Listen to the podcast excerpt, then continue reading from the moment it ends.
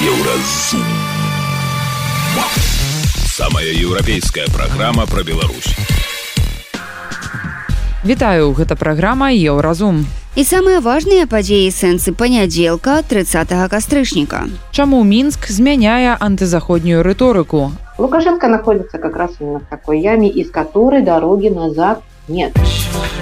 Што беларусам рабіць у Беларусі? У меня есть знакомая, которая читает только советскую Белоруссию, как бы телеграм-канал, да, посмеяться за этих всех новинов, да, но читать звычайные незалежные меды, которые как бы то же самое все пересказывать, я думаю, что навушники.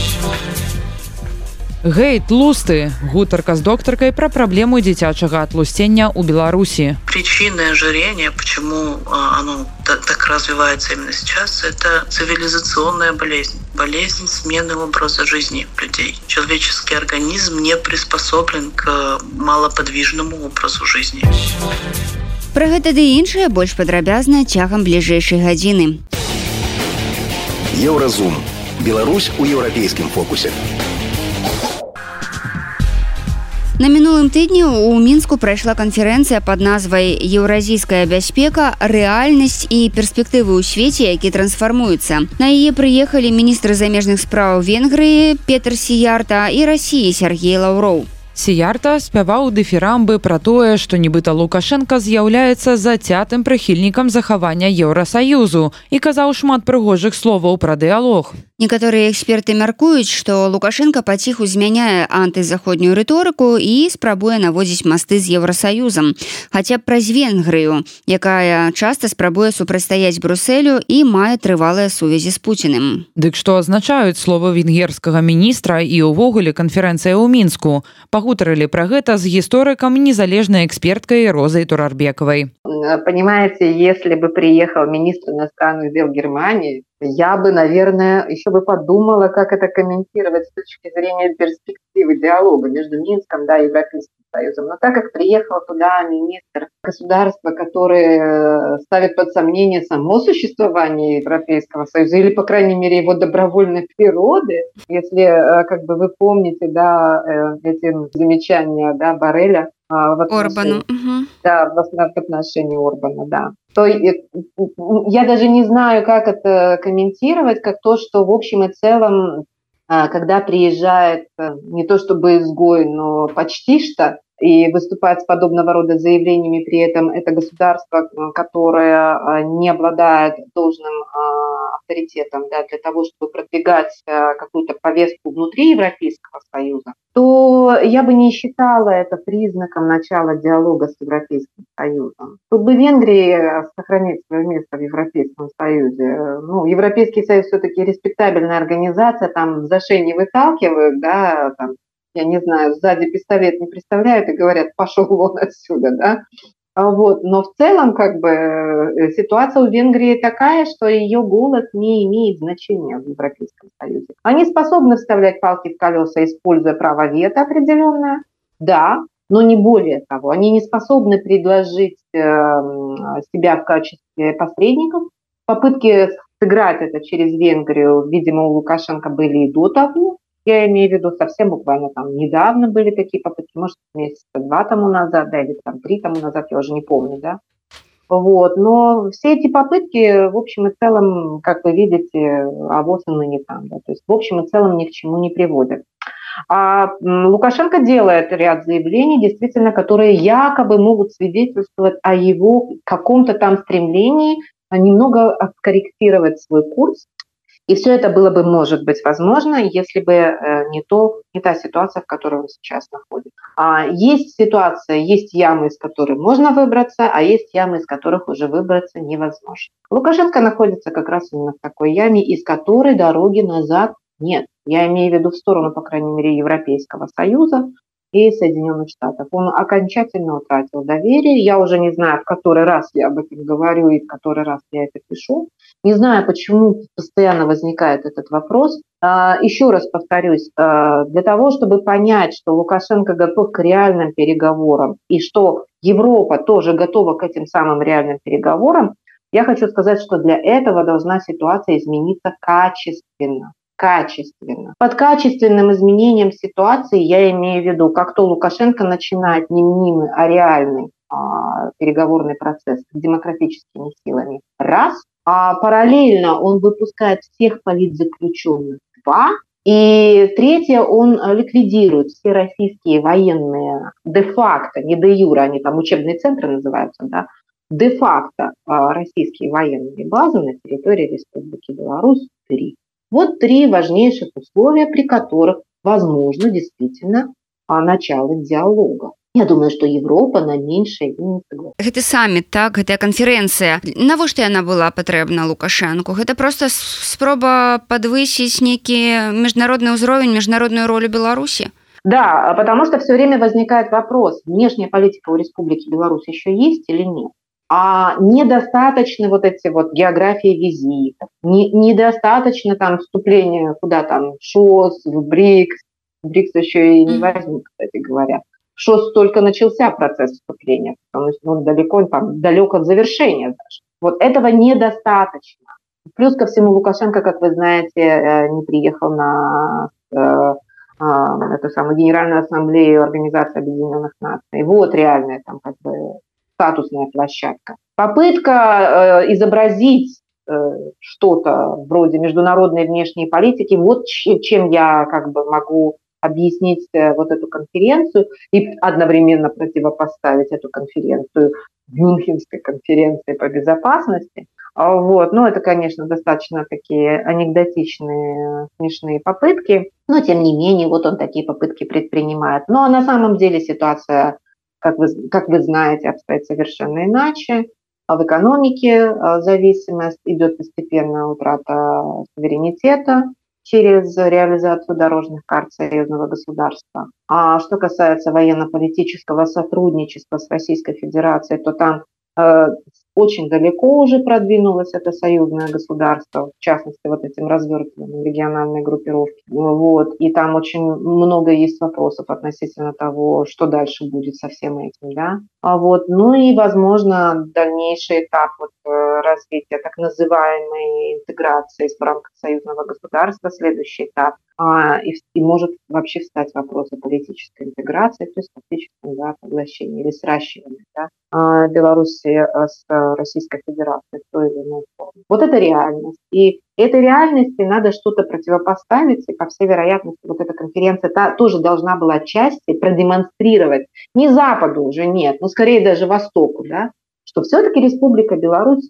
типа независимое суверенное государство.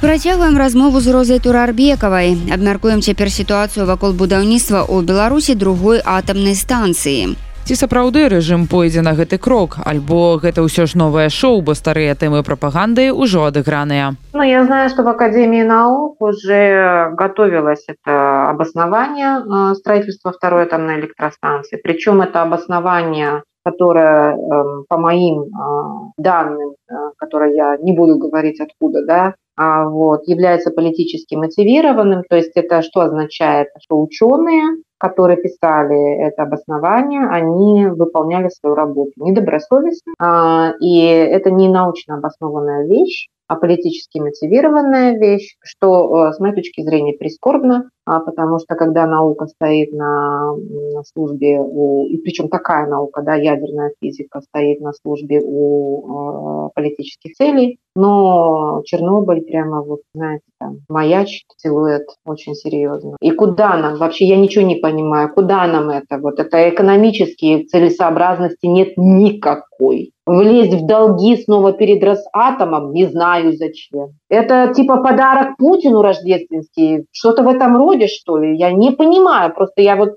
я своим умом я объять не могу. Это не может быть объяснено ни здравым смыслом, ни рациональными вещами. Ничем это не объясняется. Это даже не каприз и не блажь. Это что-то страшнее. Я не знаю, чем все это закончится. Возможно, я надеюсь, что это закончится только разговорами, Мария. Я вот, вот на, только на это надеюсь. Но я точно знаю, что в Академии наук а, готовилось э, обоснование. И они его написали. И обосновали, потому что всех приличных людей оттуда поубирали, поувольняли, которые бы не подписали такое и не стали бы делать такие вещи. И когда-то, ну вот это э, самая страшная вещь, когда наука стоит на службе у политических целей и заказов, это все может закончиться вообще страшным там, трам-тарарамом, взрывом, да, когда человеческая жизнь и экономическая целесообразность не поставлены во главу угла. А во главу угла поставлено, я вообще не знаю, что. Я не могу даже это сформулировать. Пожалуйста, сформулируйте мне это. Скажите, покажите, но, пожалуйста, только не от главы Академии наук. Он, по-моему, человек не разбирающий, мягко говоря, этот вопрос. Он, насколько я помню, был э, по сельскому хозяйству. Его устами как бы я, я не буду довольствоваться. Меня интересует это обоснование из уст э, физиков-ядерщиков. И с точки зрения, пожалуйста, экономической целесообразности для Республики Беларусь. Пожалуйста, объясните на пальце, чем это нам хорошо. Вот чем плохо, мы уже знаем. Да? А вот чем это хорошо? Электроэнергию продавать некуда. А украинский рынок от нас отделился. Разъем произошел все, они для нас потеряны навсегда. Э, Балтийский рынок тоже для нас э, утрачивается, ведь э, страны Балтии, в частности Литва, собираются тоже раз, произвести вот этот разъем энергии. Куда? Нам столько. Мы вот у нас тут как бы с первой атомной электростанции сплошное непонимание а со второй да, атомной электростанции вообще не знаю. Ну вот так. Мой комментарий, я даже не физик-ядерщик, я это говорю со слов тех людей, которые угу. мне что-то объясняли, но в целом я не понимаю, я вижу в этом только сплошные убытки, угрозу и возможную катастрофу. Ну так тут і расійскі бок таксама ж заявіў што лічыць не мэтазгодным і як бы зусім непатрэбным вось гэты праект у беларусі аднак калі гэта такая іміджавая штука а у нас все ж украіне вельмі любяць гучныя праекты прыгожыя лічбы то канешне можа всякое здарыцца на жаль Единственное сейчас, я выскажу свою абсолютно спекулятивную да, мысль, вот, ну, абсолютно спекулятивную, можете даже ее не принимать э, в расчеты всерьез, тем более, но у меня есть такая спекулятивная все-таки мысль. Возможно, за этим скрывается военно-ядерная программа. Хотя, опять-таки, мне специалисты объясняли, что на сегодняшний день в Беларуси нет людей, которые даже способны а, обеспечивать бесперебойную там, работу с, с тактическим ядерным оружием. У них нет протоколов, они не знают, как с этим работать. Вот. Но возможно, что за всем за этим стоит... Э, это так прикрывается финансирование ядерной войны. Ну, вот так само наши слухачи выказывают меркование, что это магчыма только толькі просто чарговы распіл грошай ну, понимаете это не просто распил здесь должна быть какая-то цель там там не просто распил там а, то что уходило на первую атомную электростанцию там были огромные деньги да. То, что сейчас пойдет на вторую атомную электростанцию, это будет равно таким же деньгам. Речь не идет даже о личном обогащении, и даже распил должен быть чем-то обоснован, и что-то там должно лежать внутри. И, и все, что мне приходит на ум, учитывая как бы бедственное положение достаточно экономическое, да, и социальное, люди находятся не в лучшем положении сейчас в стране. Вот. Начинать еще одну такую же дорогущую программу, когда еще за первую не, как бы, не, не расплатились, и не, далеко не факт, что расплатились, э, я могу объяснить только этим. Этот вариант северокорейский, когда все уходит на, на одну большую а, программу. Незалежная экспертка і гісторык Роза Турарбекова патлумачыла, што можа стаяць за будаўніцтвам другой АС у Беларусі і пракаментавала прыезд у нашу краіну венгерскага міністра. Еўрарадыё кропка FM. Далей у праграме Еўразум. Што беларусам рабіць у Беларусі? У меня знаёмая, которая читает толькі савецкую Беларусію, як бы телеграм-канал, да? посмеяться з гэтых всіх навінаў да но читать звычайныя незалежныя медыа которые як бы тое самае все пересказваюць думаю навушники Гейт Лусты. Гутарка с докторкой про проблему дзіцячага отлусення. Причина ожирения, почему а, оно так, так развивается именно сейчас, это цивилизационная болезнь. Болезнь смены образа жизни людей. Человеческий организм не приспособлен к малоподвижному образу жизни. Сустрэнемся пасля навінаў спорту. Еўразум. Беларусь у еўрапейскім фокусе.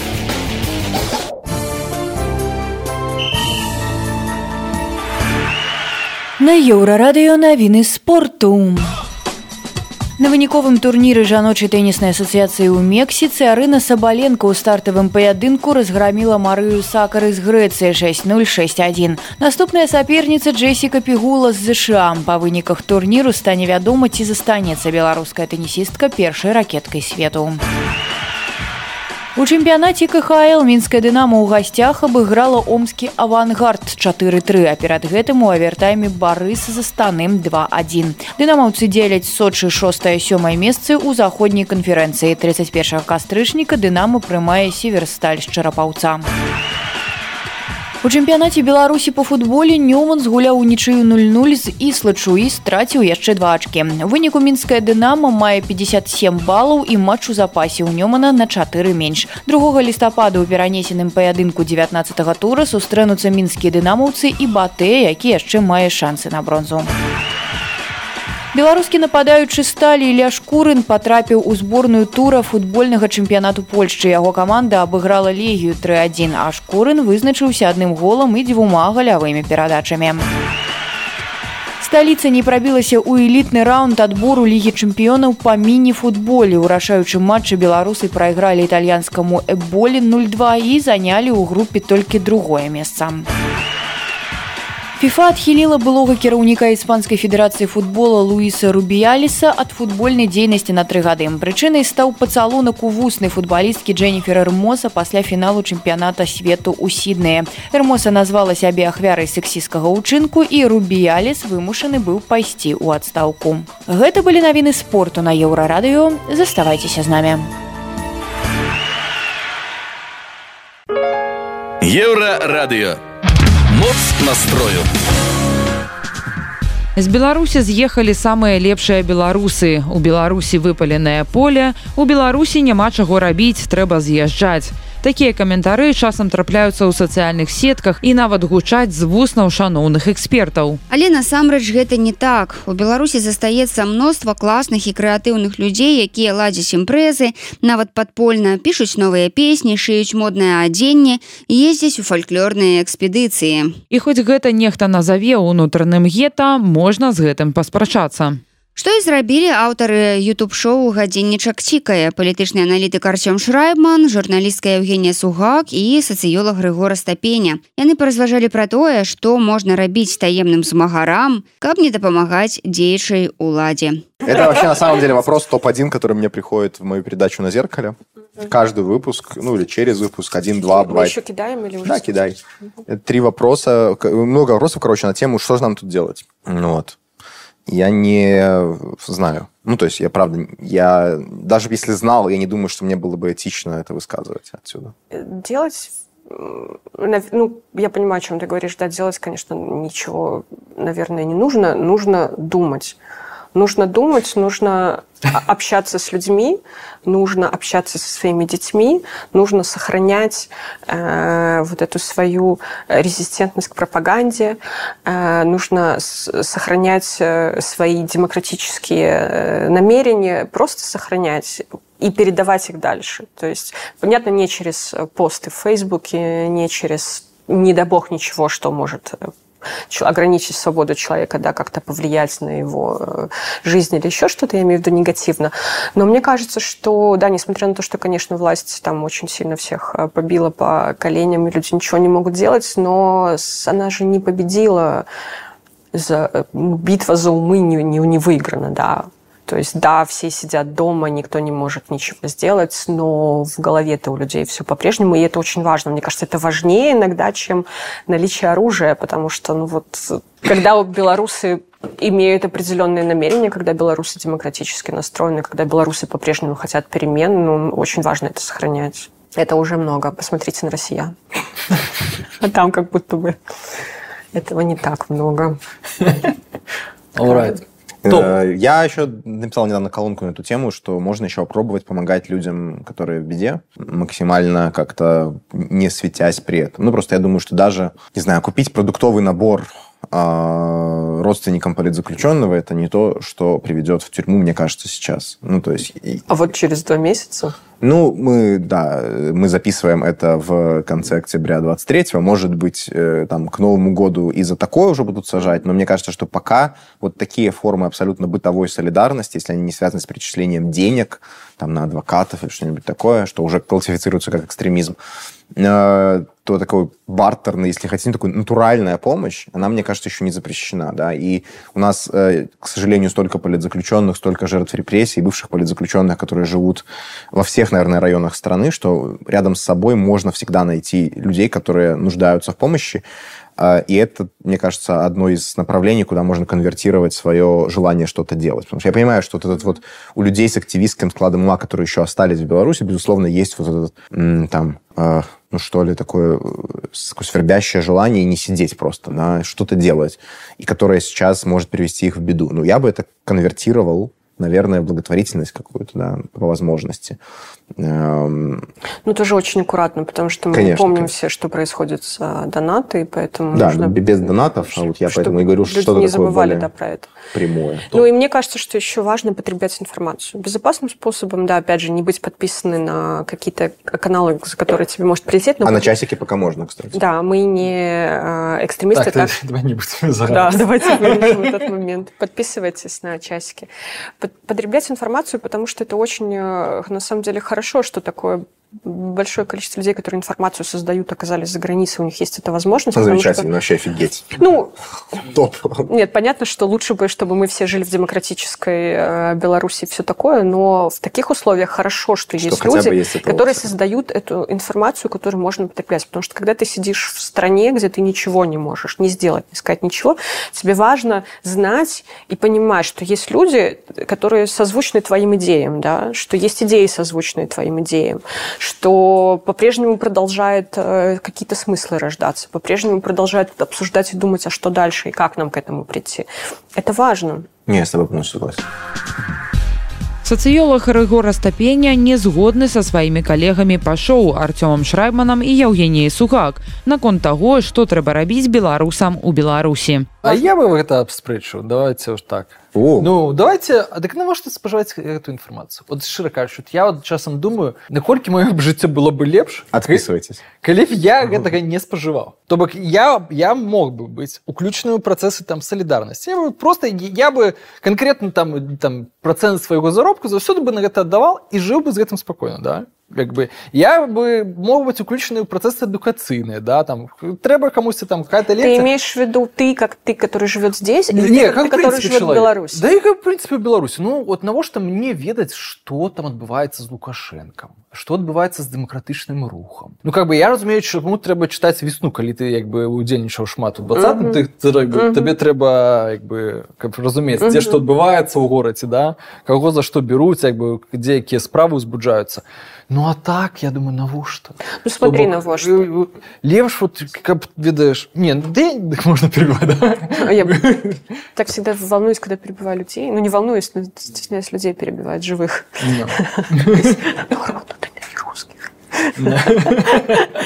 Слушай, ну как навошта? Ну, если ты живешь в Беларуси, если ты участвовал в протестах в той или иной степени, или даже не участвовал, но у тебя было большое сильное намерение на новую Беларусь, и ты в нее верил, да, когда ты видел, что происходит э, в августе, в октябре, в сентябре 2020 года. И потом все это не случилось, и это такое очень оказалось так близко, да, и это такая большая потеря и потрясение для тебя, то, наверное, тебе важно знать, что Э, есть еще люди, которые тоже об этом думают, которые тоже об этом говорят, которые тоже думают, а есть ли какой-то выход, которые тоже рефлексируют на эту тему, что не просто захлопнули ставни, и мы Я все думаю, разошлись. Тезис Регора был в том скорее, что для психологического комфорта проще отключиться. А мне кажется, для психологического комфорта как раз-таки проще знать, Не, я что думаю, есть что эти... Можно что... просто подключиться со своим узким колом, э, идти больше-меньше э, широким колом, да, но не уключаться в эту широкую повестку. И я думаю, что шмат людей выключились именно тому, что как бы, это рационально. То бок у меня есть знакомые, которые читают только советскую Белоруссию, как бы, телеграм-канал, да, посмеяться за этих всех новинов, да, но вот чытаць звычайныя незалежныя медыа которые як бы тое самое все пересказывать я думаю что навошта но новости про лукашенко действительно читать не нужно. Я и не их имела в виду. И кстати секундочка рекламы но мне тоже не нравится. Вышел отличный выпуск про то почему столько лукашенко в белорусских медиа и что с этим делать. И что вы думаете? Буквально сегодня статья на зеркале которая называется по стопам геракла 12 подвигов лукашенко о которых он рассказывает сам. Тоже не сегодня будет к моменту выхода нашей передачи ну да да. Да, но але карацей калі жыць То внутри есть это не нужно. А вот, например, условно нас или других ребят, которые Да, ну, нас разделяют с можно, тобой. окей. нас можно не ну у нас прикольные Не, ну, продукты, давайте, у нас прикольные давайте продукты. вернемся к вопросу. Да, да, Вопрос да. был про то, что делать, Да. если хочется что-то делать. Не, я думаю, што як бы ёсць шмат што называется арганічнай працы да як бы калі хочаце садзіць кветкі разам як бы з паплечнікамі і паплечніцамі садзіце кветкі калі можете камусьці дапамагчы дапамажыце як бы трэба развіваць прыватны сектар беларускай эканомікі трэба развіваць як бы адукацыйны сектар беларусі я думаю что э, ну факт у тым что ну пакуль што палітычнай перамогі не будзе да як бы ну уж, я думаю уже можна 23 можна сказаць это да як бы агучыць э, і трэба просто думаць э, жыць далей як бы і рыхтавацца да нейкіх іншых э, магчымасцяў ка- якія будуць і пры гэтым імкнуцца дапамагчы тым людзям якія зараз як бы з- знаходзяцца у горшых умовах чым напрыклад вы асабіста вось так. And don't do stupid shit please. Да вот ладно я уже не буду. Это уже хотелось мне немножко про, про поговорить про змагаров там Держите его, держите его. Гэта былі аўтары YouTube-шоу гадзіннічак цікая, палітычны аналітык Арцём Шрайбман, журналістка Евгенія Сугак і сацыёлог Рыгор Астапеня. Яны распавялі, што можна рабіць беларусам у Беларусі, каб працягваць быць апанентамі ўлады хаця б таемна. Еўрарадыё. Твоя улюбёная хваля. Далей у праграме Еўразум. Гейт лусты, гутарка з доктаркай пра праблему дзіцячага атлусцення. Причины ожирения, почему оно та- так развивается именно сейчас, это цивилизационная болезнь. Болезнь смены образа жизни людей. Человеческий организм не приспособлен к малоподвижному образу жизни. Сустрэемся пасля навінаў шоу-бізу. Еўрарадыё. Твоя улюбёная хваля. Showbiz. Showbiz. Zip wash. Вітаю гэта навіны шоу-бізу. Платформа Apple TV Plus анансавала выхад міні-серыяла аб забойстве стваральніка The Beatles Джона Леннона. Пра гэта паведамляе выданне The Guardian. Дакументальная шматсерыйная стужка, прысвечаная трагічнай гібелі знакамітага рок-музыкі, дапаможа прыхільнікам акунуцца ў той час, калі свет страціў ікону. Таксама па словах стваральнікаў серыял пра Леннона можа стаць самым глыбокім і дасканалым расследаваннем яго гібелі. Спявачка Тейлор Свіфт нарэшце стала мільярдэркай. Пра новы статус поп-зоркі распавяло агенцтва Bloomberg. Аналітыкі выдання падлічылі даходы Свіфты і прыйшлі да таго, што на сённяшні дзень яе стан рэзка павялічыўся. І ўсё дзякуючы нядаўняму канцэртнаму туру раз, які падняў эканоміку ЗША і дапамог зорцы зарабіць свой першы мільярд.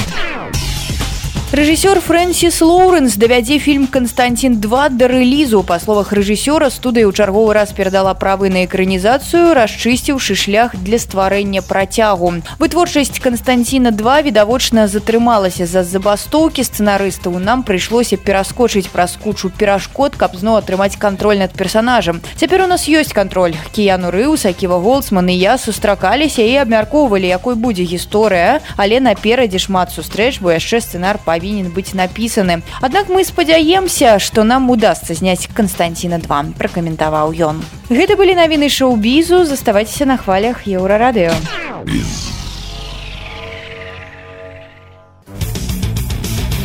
Еўразум. Жыві ў рытме Еўропы. Кожнае чацвёртае беларускае дзіця мае лішнюю вагу і паводле звестак сусветнай арганізацыі аховы здароўя да 2030 года такіх дзяцей можа стаць 50соткаў. Чалавечы арганізм не прыстасаваны да маларухомага ладу жыцця, кажа доктарка педыатрыка Майя Церакулова, якую еўрарадыё папрасіла расказаць, з чым звязаны рост дзіцячага атлусцення ў Беларусі. Спецыялістка тлумачыць сітуацыю тым, што дзясяткі тысяч гадоў таму людзі былі паляўнічымі і збіральнікамі, і дзеці былі збіральнікамі ў тым ліку, выжывалі, перамяшаючыся з аднаго месца на іншае. Але здарылася эвалюцыя і ўсё змянілася. Чаму атлусценне зрабілася такой сур'ёзнай праблемай менавіта цяпер, распавядаем у нашым рэпартажы. Педыятарка Майя Церакулова называе атлусценне цывілізацыйнай хваробай ці хваробай змены ладу жыцця людзей. Эвалюцыйна мы створаныя для таго, каб хадзіць вялікую колькасць гадзін у дзень. Гэта значыць, каб захоўваць здароўе, чалавечаму арганізму неабходная фізічная нагрузка, якую усе недаатрымліваюць у тым ліку і дзеці.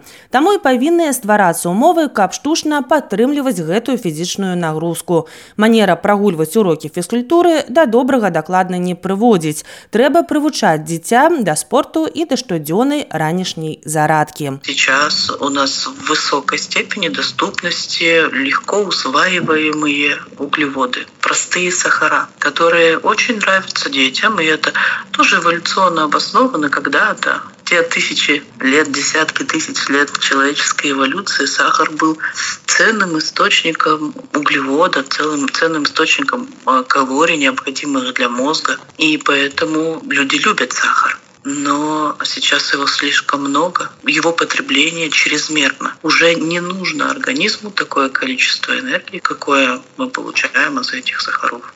Причина ожирения понятна, это образ жизни, цивилизация, и для того, чтобы избежать этих проблем, нужно контролировать потребление калорий, а, обеспечивать достаточное количество физической нагрузки. Чым характарызуецца атлусценне. Само па сабе гэта захворванне значна зніжае якасць жыцця, бо абмяжоўвае фізічныя магчымасці чалавека.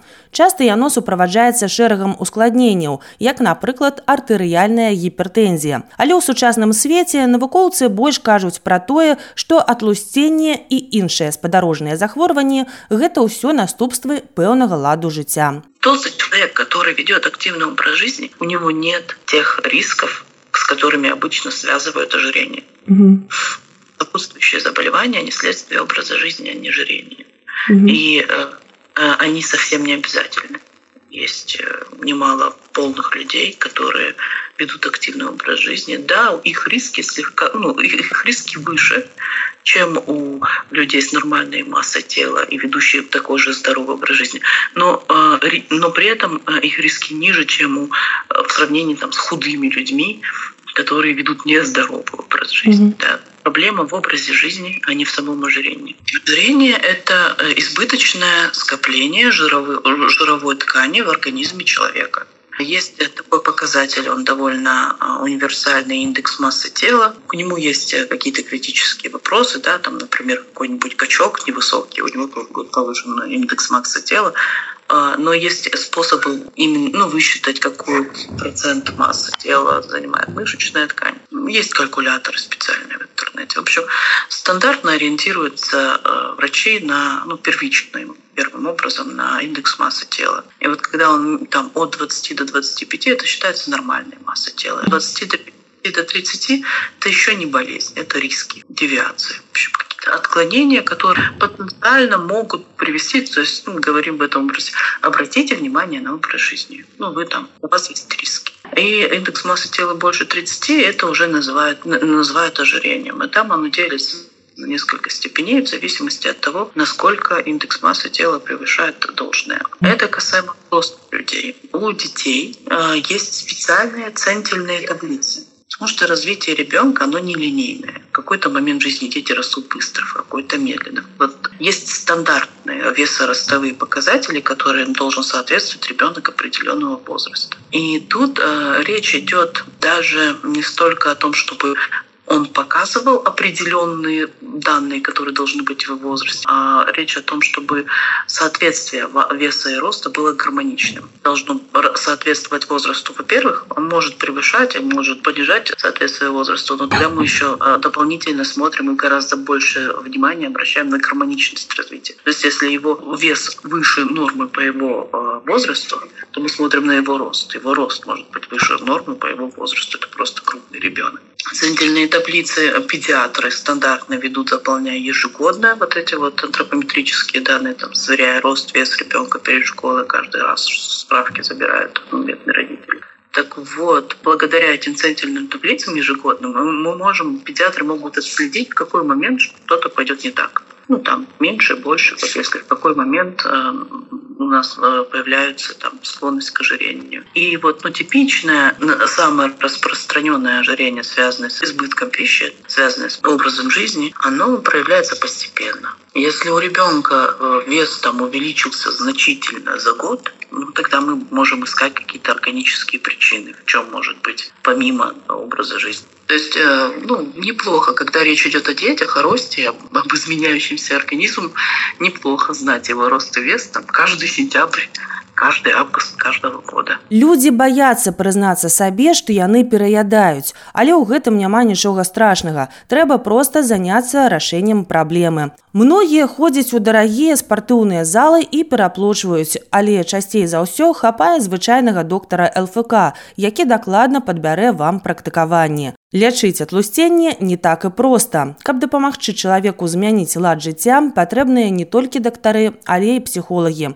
Важны момант. Дактары павінны быць вельмі асцярожнымі падчас зносін з дзіцём, у якога ёсць атлусценне. Нельга секшы з пляча, трэба проста акуратна тлумачыць, чаму важна весці здаровы лад жыцця. За мяжой атлусцення нярэдка лечаць хірургічным метадам, у тым ліку і ў дзяцей. Часам гэта лепш, чым альтэрнатыва развіцця захворвання і пабочак. Інфармацыйная служба еўрарадыё.